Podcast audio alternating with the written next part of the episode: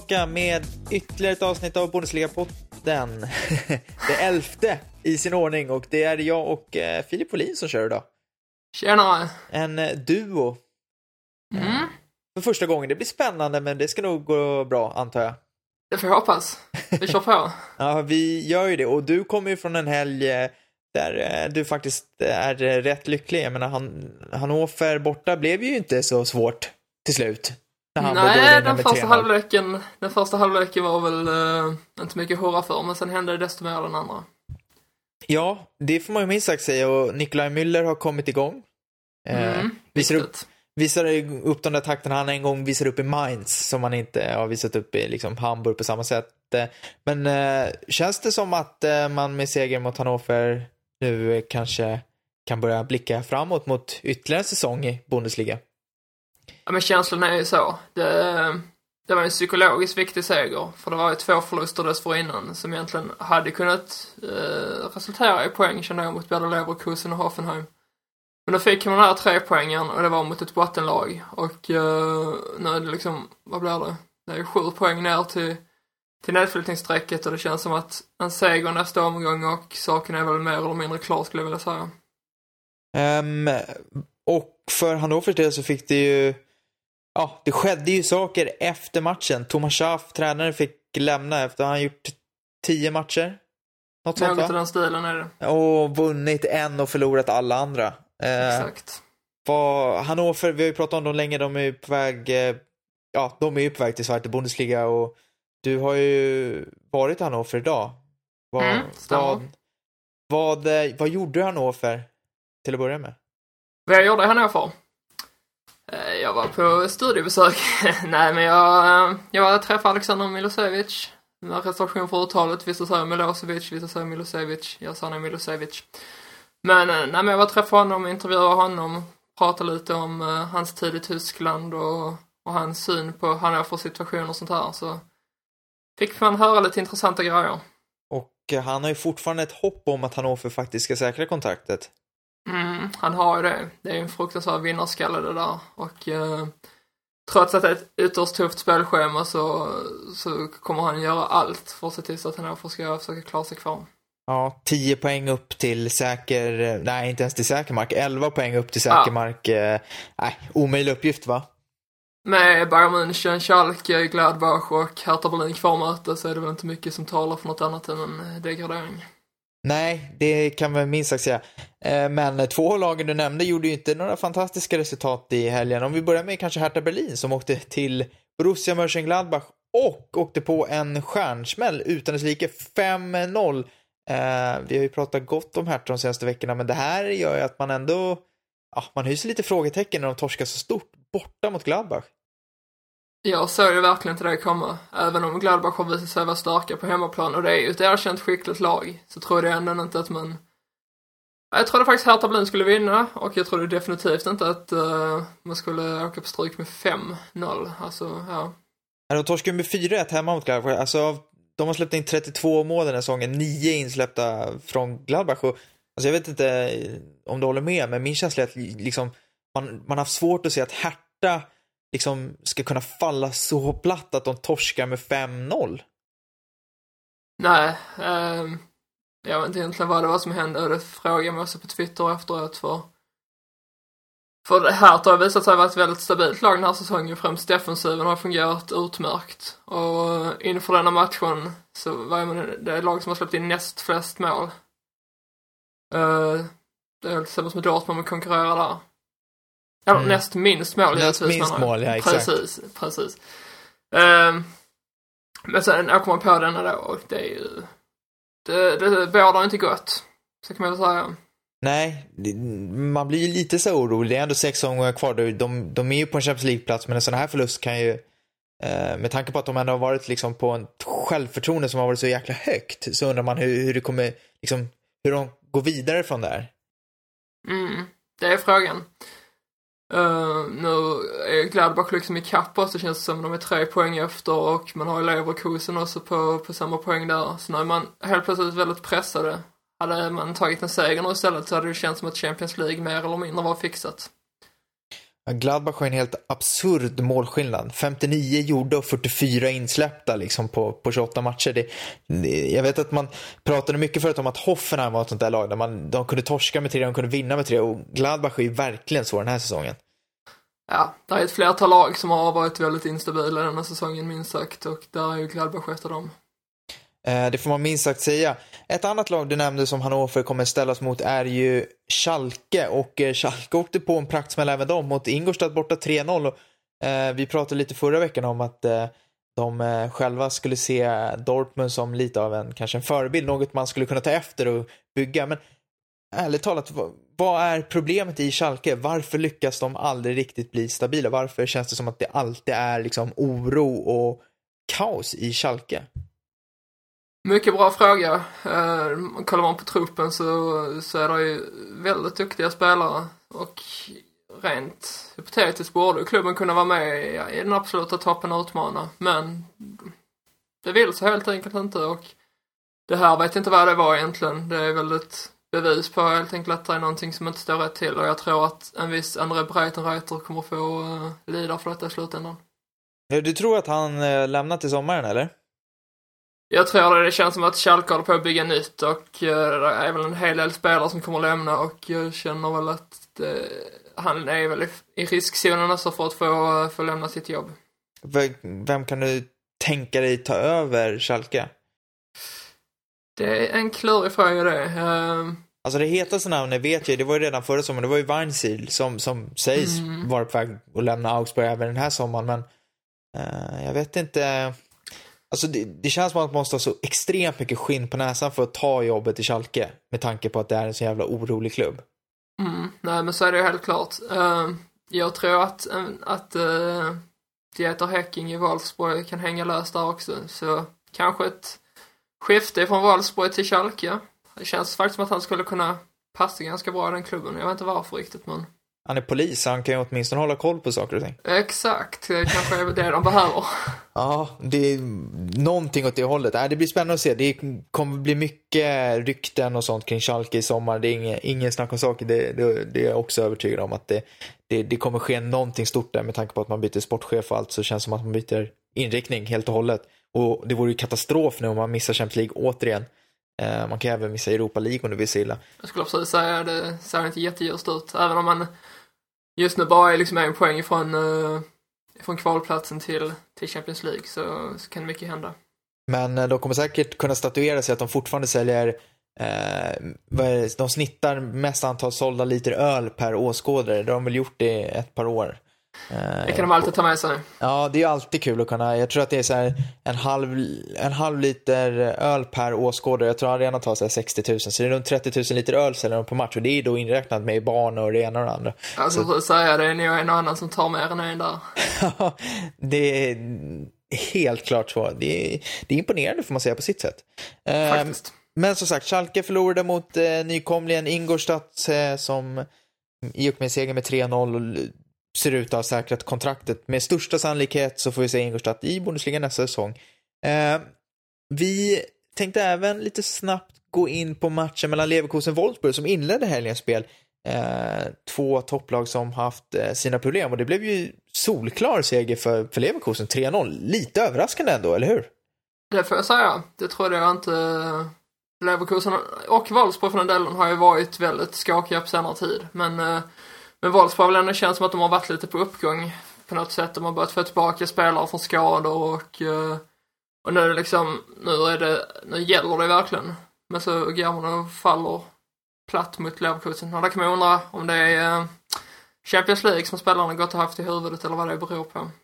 Ja, alltså de hade ju mer boll och sådär men det kändes som att i hela matchen så så kändes det som att det var liksom sån här klassisk när man ser siffrorna efter så tänker man så här, men det här, okej, okay, det här var en match där Wolfsburg hade, hade spelet liksom. Men jag såg den här matchen och jag fick hela tiden intryck av att det, det händer liksom inget. Det var lite så här, ja, de står och trillar boll i backlinjen och sen när, när Leverkusen får bollen så gör de, de konstruktivt av den. Så det känns som att Leverkusen äger matchen trots att de egentligen inte har liksom lika mycket boll. Nej, men de var ju väldigt effektiva Leverkusen och, eh, och de var väl ändå rättvis får man säga. Ja, eh, och i och med förlusten för Wolfsburgs del så ligger de nu sex poäng bakom Mainz och Schalke som slåss eh, om den sista Europa League-platsen. Eh, är det så att Wolfsburg nu, det blir ingen Europaspel för dem kommande säsong? Jag har ju sagt det hela tiden att jag inte tror att de eh, fixar det, så jag får hålla fast vid det. Eh, och som sagt, du tror att eh, Dieter Hecking, tränaren, sitter eh, löst? Jag kan ju inte anta någonting annat. Även i, i Wolfsburg tror jag att det kommer hända en hel del i, eh, i sommar med tanke på deras fjolårssäsong kom de tvåa, vann cupen och det kändes som att de var liksom med i, i kampen om titeln in på mål snart i stort sett. Och inför denna säsongen så pratades det om att det, det var liksom nu Wolfsburg skulle visa Bayern att man eh, var räkna med på allvar. Och så gör man en sån här säsong. Och, och visst, det är inte bara det Etor Häckings fel, men han har ju helt enkelt misslyckats med sitt, eh, med sitt arbete och det tror jag kan straffa sig nu. Ja, alltså det enda jag, och det här är inte egentligen för att liksom säga emot det, jag tänker bara liksom erfarenhetsmässigt av Klaus Allof, eh, sportchefen som kom från Bremen var att han bytte ju aldrig ut Schaff där, trots att det liksom svängde åt det ena och det andra hållet stundtals, utan han höll, höll sig fast vid sin tränare. Det är det enda som jag kan se liksom skulle kunna vara Tekins räddning, att man känner att man vill inte göra en sån stor förändring. Man, man förändrar inte på ledarsidan, utan man förändrar i så fall truppen. Samtidigt så är det ju det är betydligt enklare att få en, liksom, en förändring på tränarsidan. kostar ju inte lika mycket, helt enkelt. Eh, Nej, så är det Jag tror helt enkelt det beror på vad det finns för tränare tillgängliga. Ja, och som sagt, det beror på. Jag menar, i Tyskland så har man ju inte en, man har ju inte en historik av att egentligen ta in utländska tränare. Uh, jag menar, det, ja visst, pepp, absolut, men kolla hur det gick för liksom Di Matteo i Schalke. Eh, vad har vi mer haft? Det är, det är några holländare liksom, men det är ju inte annars. Ja, men exakt. Bort, från holländare, någon, en annan schweizare och österrikare så är det liksom generellt bara tyskar. Ja, och de som inte är det har ju ofta också liksom så här som Pal Dardai i Hertha och då har han varit ungdomstränare och spelat där alla år, så han är ju mer eller ja. mindre liksom tysk. Exakt. Så att uh, det, det, marknaden är ju inte superstor liksom. Uh, och dessutom ska man veta att liksom Red Bull Leipzig sitter och jagar ny tränare till kommande säsong och de, har liksom, de kommer ju försöka ta det som är hetast på marknaden också. Så att, eh, det blir oerhört spännande att se om klubbarna vågar chansa och göra sig av med sin nuvarande tränare för att hitta något annat. För frågan är vad som faktiskt finns där ute. Erik Hamrén. Ja, Erik Hamrén, exakt. Från svenska landslagsbänken direkt till Wolfsburg. Det hade varit något faktiskt. Ja, det hade varit något. Hur, hur länge tror han hade, hur länge hade Hamrén klarat sig i Wolfsburg? Oj, oj, oj, oj, oj. Um, Wolfsburg är en klubb som känns på något sätt ganska toleranta. Um, men en hel säsong tror jag knappast han hade överlevt. Uh, nej. Faktiskt. Nej, alltså han hade ju fått, i november så hade det börjat skakat liksom. Wolfsburg på 14 plats eller något sånt. Hamrén håller så här, eh, hans, det här talet till Wolfsburgs, till fabrikmänniskorna i Wolfsburg. Pratar om Shining vi. på tyska. Nu, nu enas vi bakom Volkswagen-flaggan. Såg du för övrigt eh, att de hade uttalat sig om Niklas Bentner nu? Mm, eh. Nej, eller det kanske jag visst har gjort, du får påminna mig.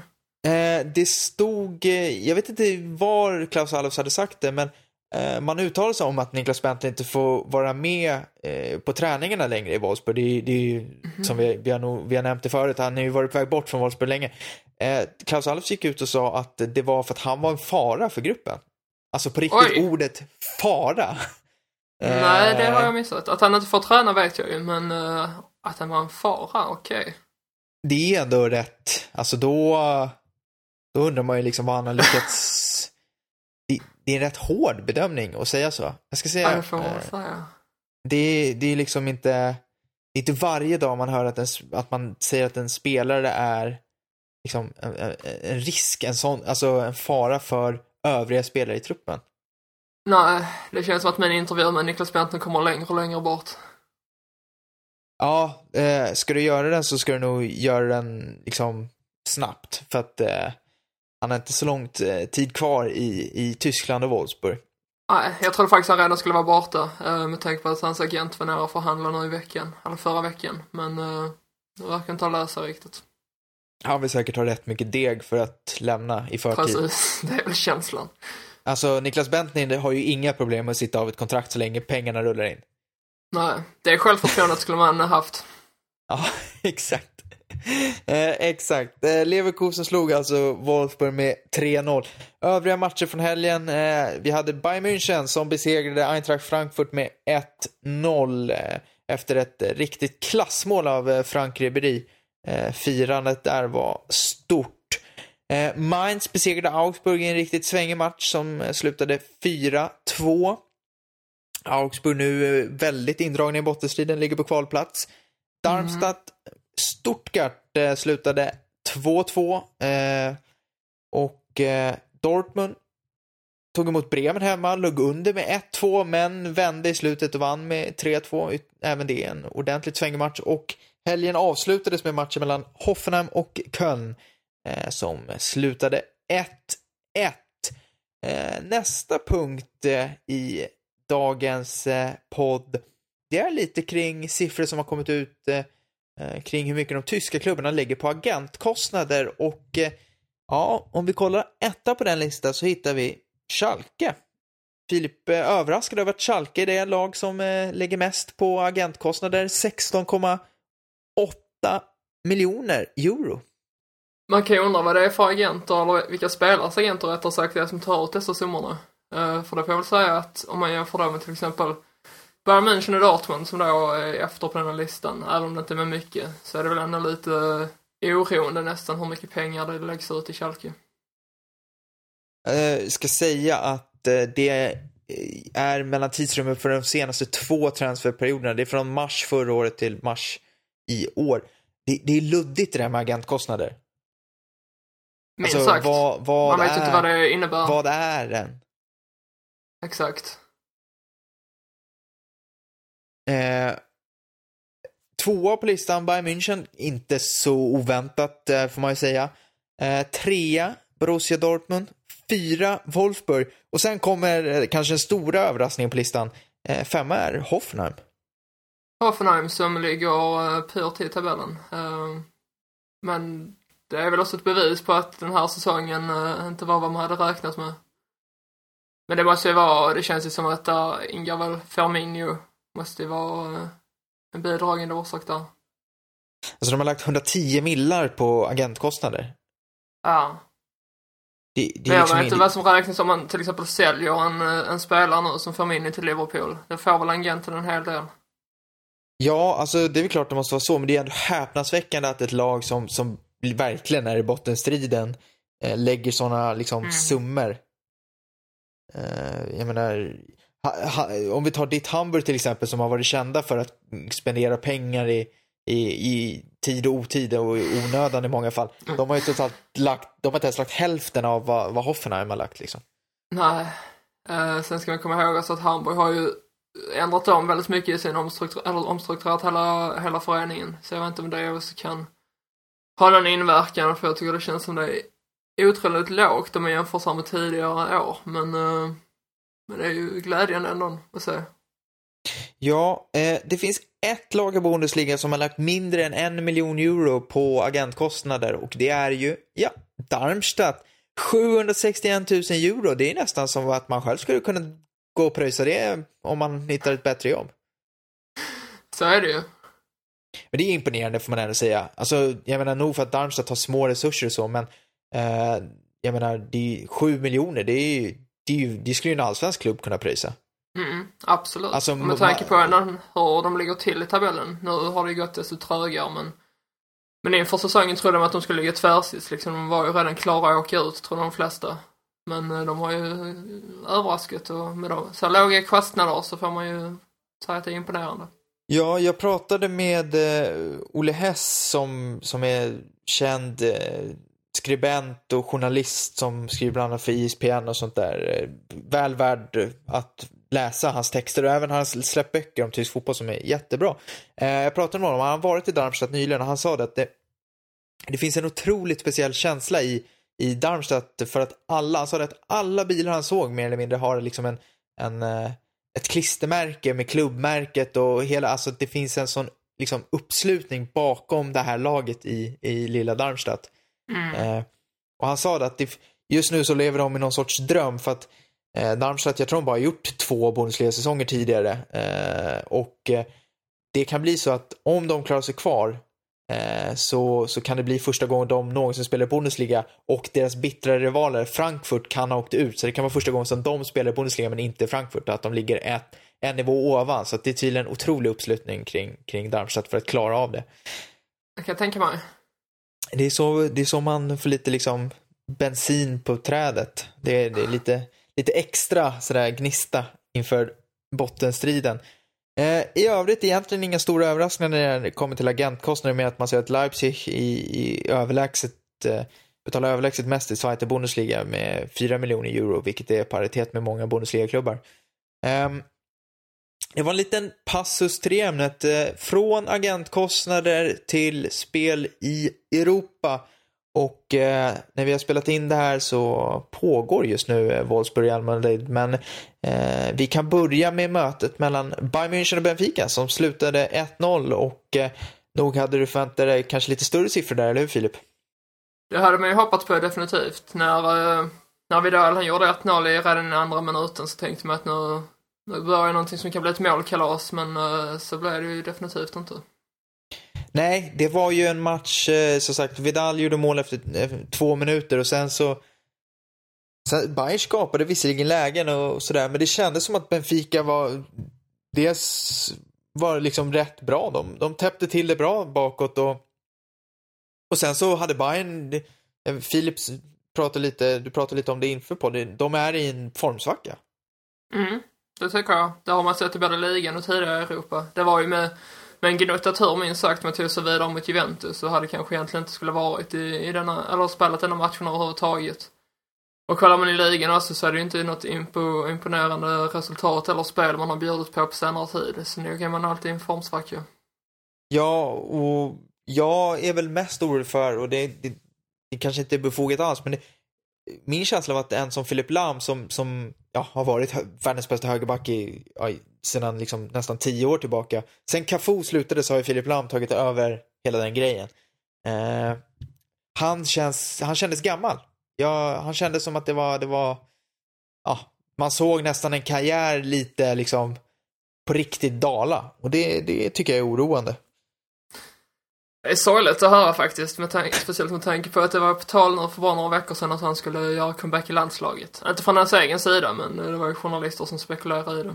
Men som sagt, det, det är säkert jag som dömer ut land för tidigt. Men det, jag har faktiskt aldrig sett honom göra en så dålig insats som han gjorde mot Benfica. Det såg, såg inte alls bra ut.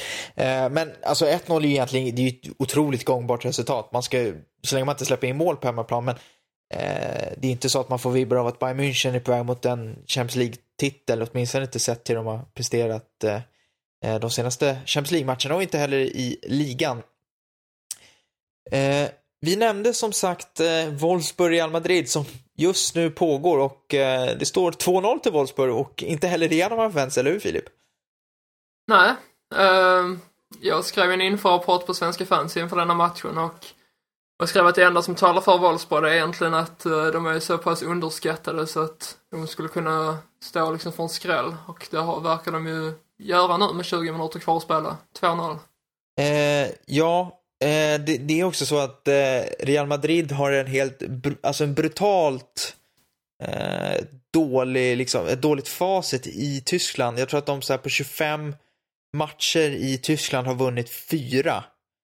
Ja. Fyra segrar på 24 matcher ska jag säga. och jag tror de alla har mött Wolfsburg förut. De har, jag tror de har slagit ett, när de har mött ett Tyskland så är det bara en gång som Real Madrid faktiskt har vunnit det första mötet mot ett tyskt lag i Tyskland. Eh, och det var bra länge sedan. De har liksom mött lag som Jena och sånt där på 80-talet mm. och ändå inte lyckats vinna. Så att, eh, kanske talar historiens makt eh, för att det ska gå vägen för Wolfsburg. Men det här, om vi utgår från att Wolfsburg åtminstone vinner, vi, alltså vad, vad, ser du för chanser för Wolfsburg att ta sig vidare om de skulle, jag säger att de får med sig 2-0 eller 2-1, det är ju väldigt stor skillnad, men 2-0, vad tror du om Wolfsburgs chanser att ta sig vidare? Men då är det ju bara då är det bara att slänga in en fembackslinje sen nere i Real Madrid. Eller nere i Real Madrid, nere i Madrid. Och sen täppa till med, med Luis Gustavo och uh, andra mittfältaren som jag inte vågar uttala namnet på. Giavogi. Precis, bra där Adam. Ja. Uh, så har man de sju uh, som försvarar där liksom och håller tätt framför uh, Castells. Kan det vara så att Wolfsburg alltså spelar Champions League nästa år för att de går och vinner Champions League? Det hade verkligen varit någonting, men det ska ju bara inte kunna hända. Eh, det är ju lite som Arminia Bielefeld förra, förra säsongen i tyska cupen. Det, det, gick ju inte sen till slut, men uh, det ser länge ut så. Men en, en semifinal, varför inte? Det vore ju otroligt bra för tysk fotboll om, om, Wolfsburg, om Wolfsburg slår ut Real Madrid. Det vore ju, det vore ju mäktigt. Eh, ja. Och sen om de då, man, då är frågan, säg så här, om Bayern München och Wolfsburg skulle gå vidare, vill man se dem möta varandra i en semifinal för att vara säker på att ett tyskt lag i final, eller vill man se dem i varsin? Nu är ju som sagt Bayern i en formsvacka känns det som, annars hade man gärna sett Bayern försöka ta sig an uh, Barcelona. För det är den farligaste motståndaren i en semifinal kanske. Alltså, det är jättesvårt. För jag förstår hur du resonerar också. Man vill ju samtidigt se ett tyskt lag i final. Men uh, jag skulle nog säga att jag vill inte se Barcelona där i alla fall. Men uh, det lär väl bli så i vilket fall som helst. Va varför vill du inte se Barcelona i final? Ja men det känns som att det, det är liksom vart vartannat år om man vill se någon variation på det hela. Det är precis som att man inte vill att Hamburg ska spela i botten, eller slåss för sin överlevnad efter säsong efter säsong. Lite variation får det vara.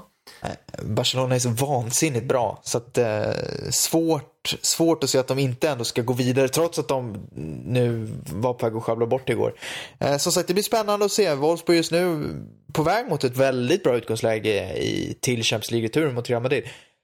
Eh, den stora smällkaramellen är ju såklart eh, i Europasammanhang för tyska lag är ju eh, Dortmund mot Liverpool som spelas på torsdagen och eh, jag eh, lämnar Sverige och Stockholm 08.20 eh, från Arlanda för att ta mig till Tyskland och ta mig till Dortmund för att se den här fantastiska matchen och ja, Filip, är det årets match inom tysk fotboll?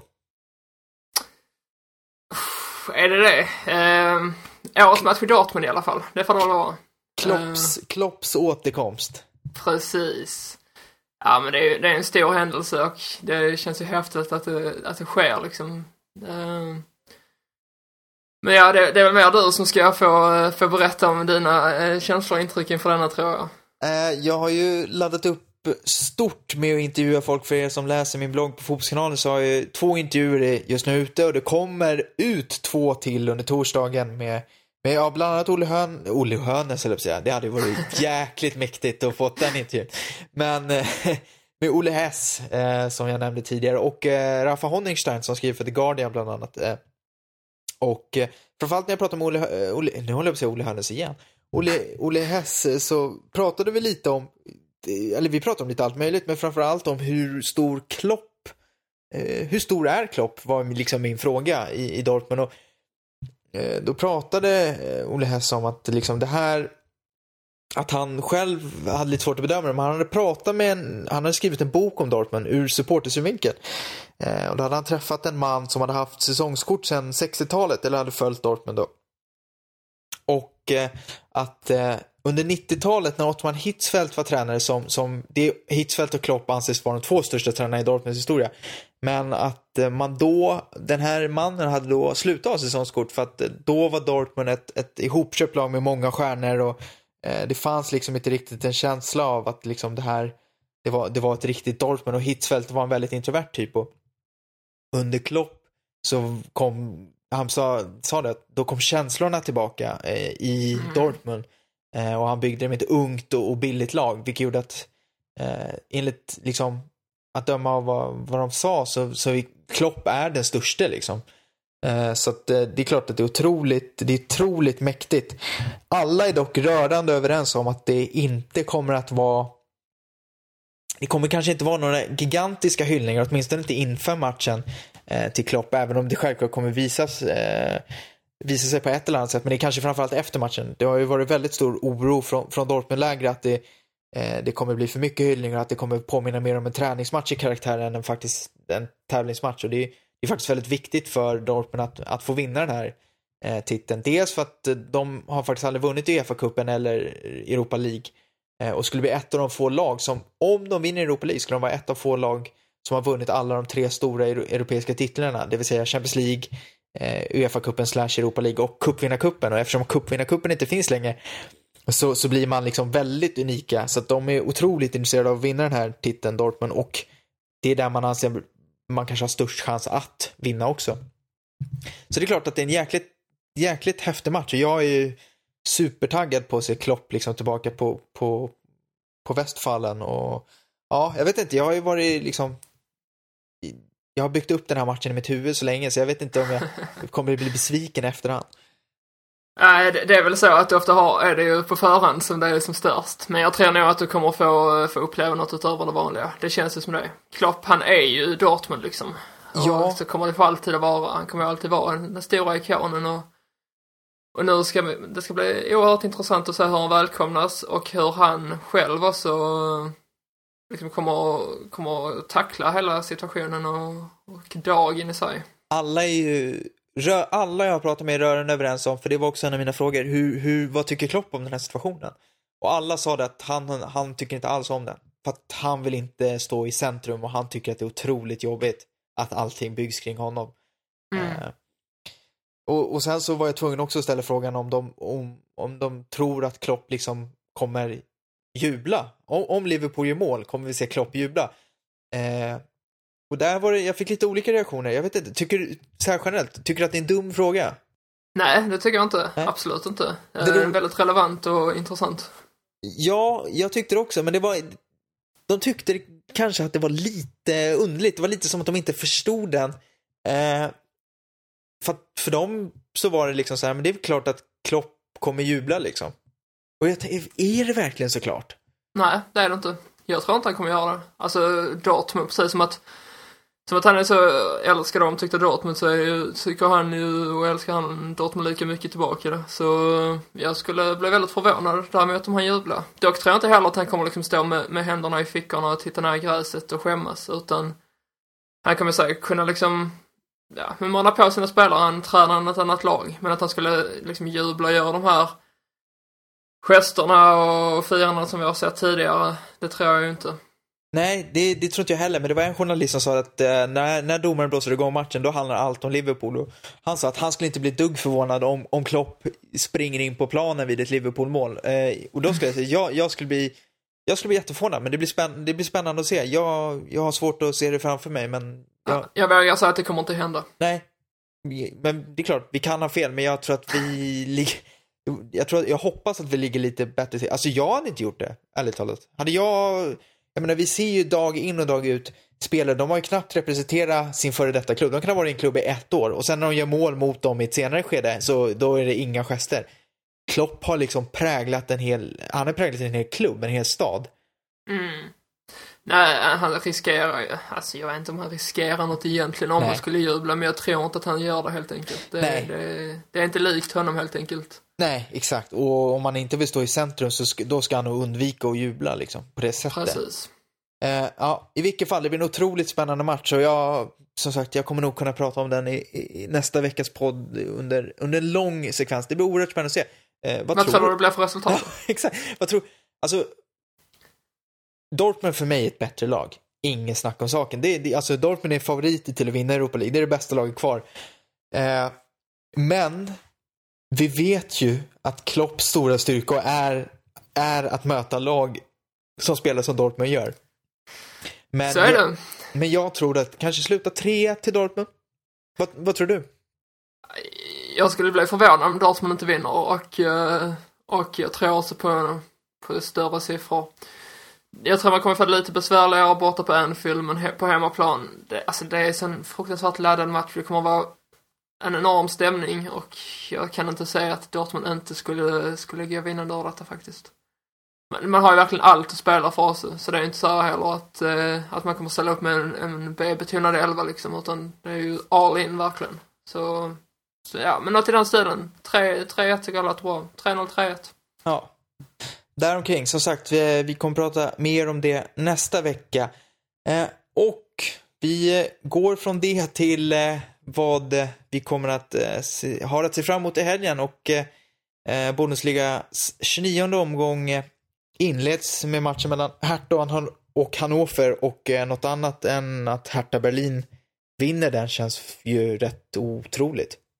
Mm. Nu har han visserligen ny tränare och, eh, och, och eh, Hertha Berlin befinner sig i någon form av chocktillstånd skulle jag kunna tänka mig. Samtidigt så vill de väl revanschera sig så fort som möjligt och Hannover har väl egentligen inte visat upp så mycket den senaste tiden.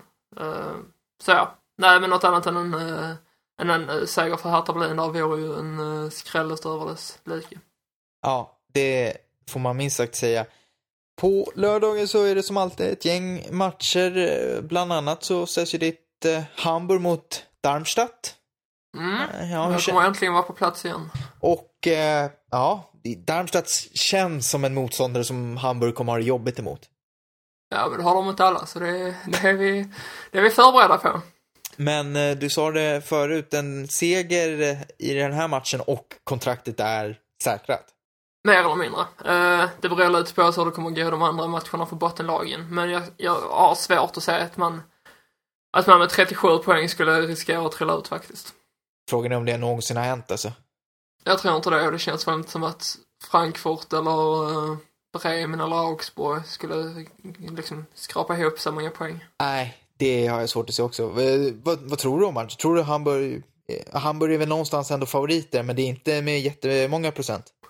Hamburg kommer inte vinna, det väger jag säga. Uh, De vinner aldrig två matcher i rad som du säger. Exakt, och uh, det är alltid så när man har pressen på sig så, så vill det sig sällan. Så jag, jag säger att 2-2 skulle jag känna ett... Uh, för det är liksom så här, man är halvnöjd men samtidigt så, så gnager det i en att man inte tog vara på chansen liksom och, och gick vinnande ur det. Så jag sa oavgjort resultat 2-2. Spännande, det blir intressant att se. Eh, vi har även Stuttgart mot eh, Bayern som säkerligen kommer köra B-laget och eh, problemet är att de, Bayern kan inte riktigt köra B-laget för de har ändå Dortmund bara fem poäng bakom sig men de har ju returen mot Benfica i Champions League så de kan inte riktigt liksom de vill nog gärna kunna slappna av lite. Ja, men det kan man ju inte riktigt. Stuttgart är ett sånt lag man aldrig vet vad man har riktigt. Uh, när de kommit ur sin, sin fina form som de visade upp i början på året, men, uh, men samtidigt så det är ett fruktansvärt offensivt lag och man vet att de att de kan göra mål när det, bara, när det vill sig. Och jag, ska, jag skulle säga att Bayern får se upp där. Ja, det kan faktiskt bli lite liv i, i toppstriden eventuellt och det vore ju kul.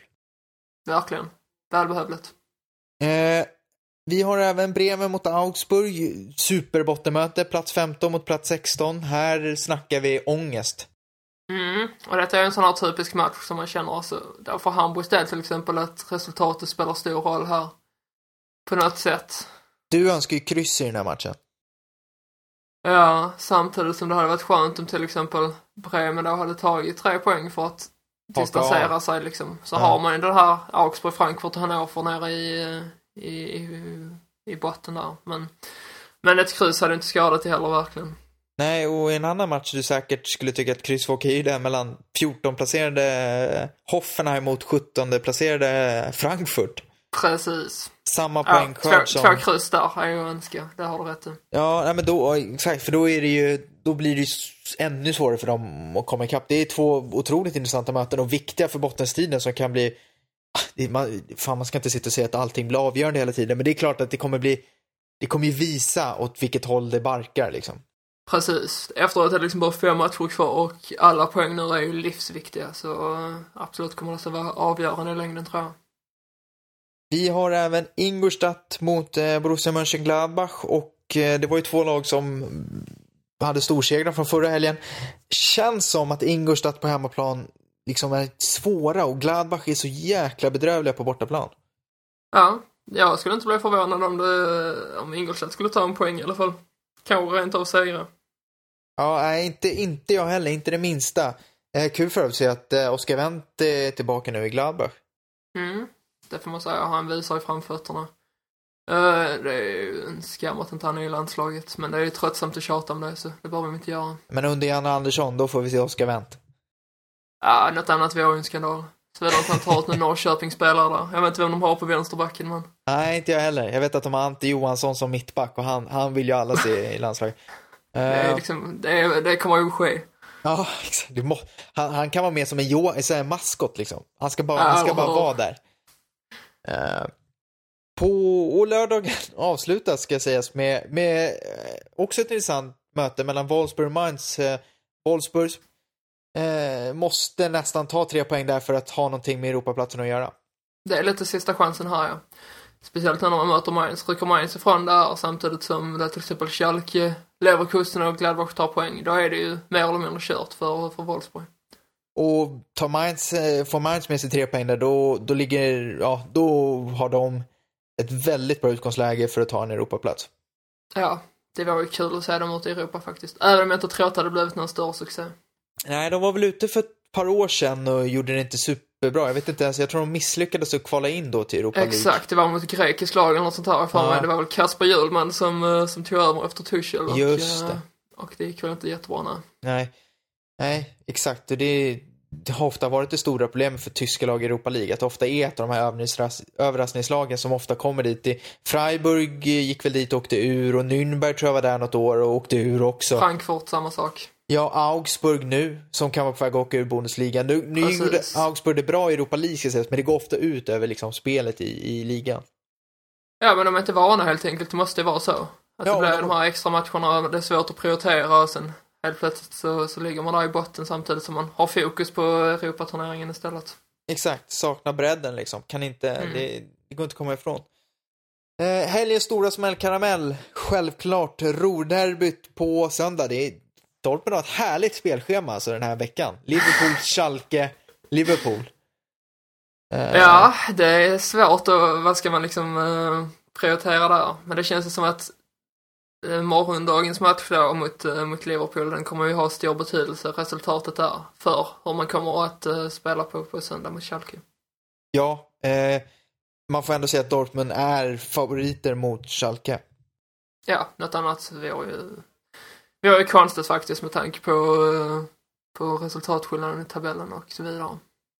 Och för Schalke så är det ju väldigt viktigt också att få tre poäng för att, för att vara med i det här Europa League, liksom tjafset och försöka nå en plats där. Möjligtvis Champions League också. Så att det, är, det, det är ju en, det är en jätteintressant match att se.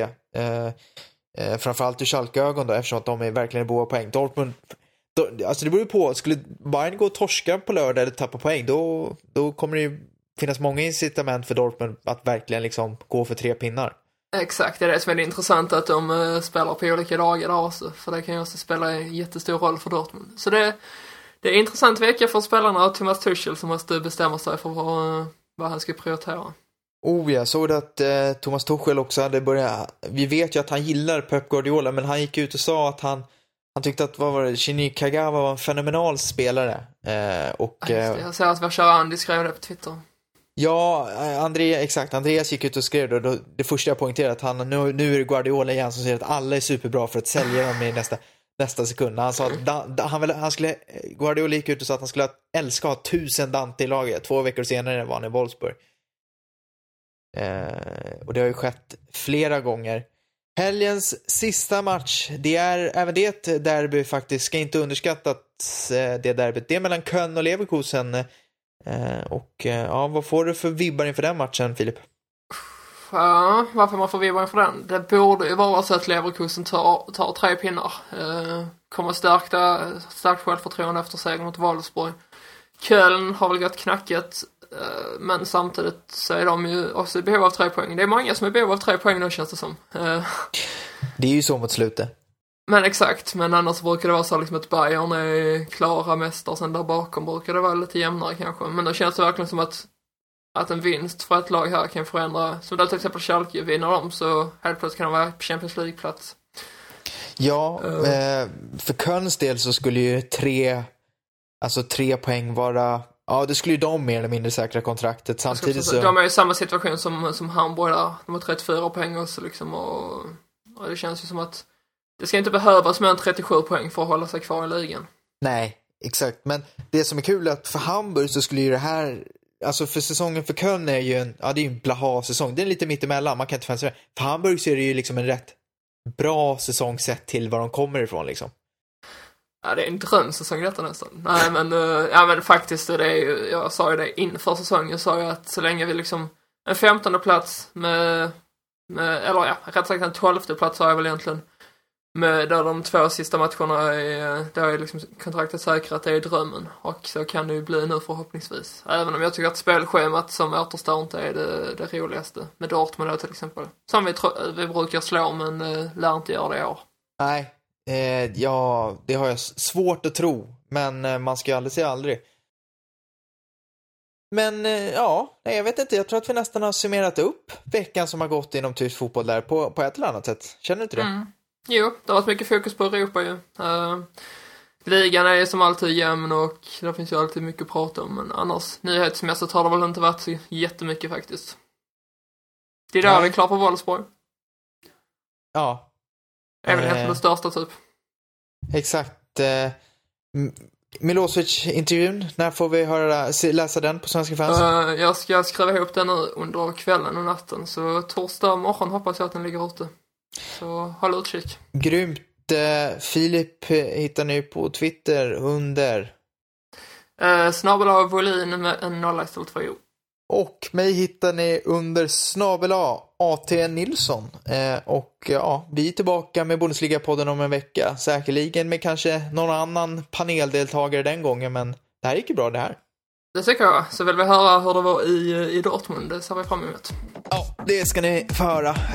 det tar alla säkert. Mängder. Eh, vi hörs om en vecka. Det gör vi. Hej. Hej.